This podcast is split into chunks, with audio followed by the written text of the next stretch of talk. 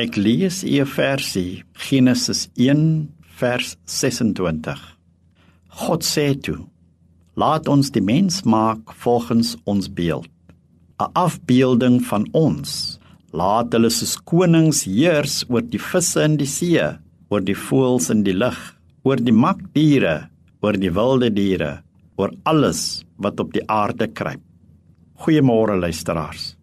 God skep die mens met 'n baie besondere karakter en vermoë. Hy skaap die mens na sy beeld. Is dit nie wonderlik om te weet dat ten spyte van alles vanoggend u in die beeld van die Allerhoogste God geskape is? Kyk van môre in die spieël en laat dit net so vir 'n paar sekondes deursink. Ek is in die beeld van God geskape. Dit maak my 'n besondere mens. Ons as mens betaal verskriklik bedrag geld vir die werke van ons hande. Ons admireer dit, pas dit op, bewaar dit met groot kostes, bou 'n ekonomie daar rondom, maar die mees waardevolste skat sien ons nie raak nie. Soveel so dat die waarde van 'n mens ver onder die waarde van die mens se handewerke daal. Sodoende vernietig ons die beeld van God. Ons neem saam met Satan deel aan die vernietiging van die werke van God se hande.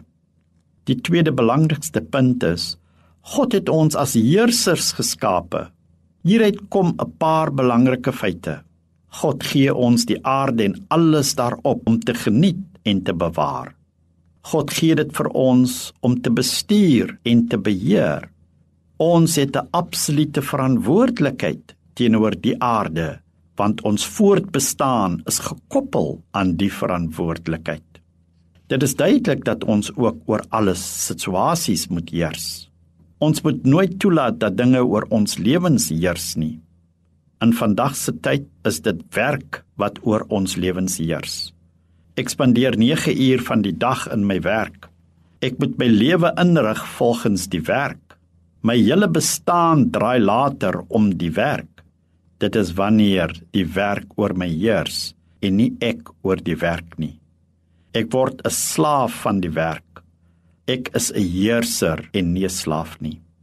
Satan gebruik hierdie situasies om ons slawe te maak van ons eie versinsels en uitvindsels.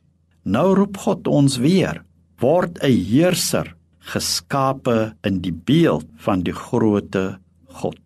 Amen.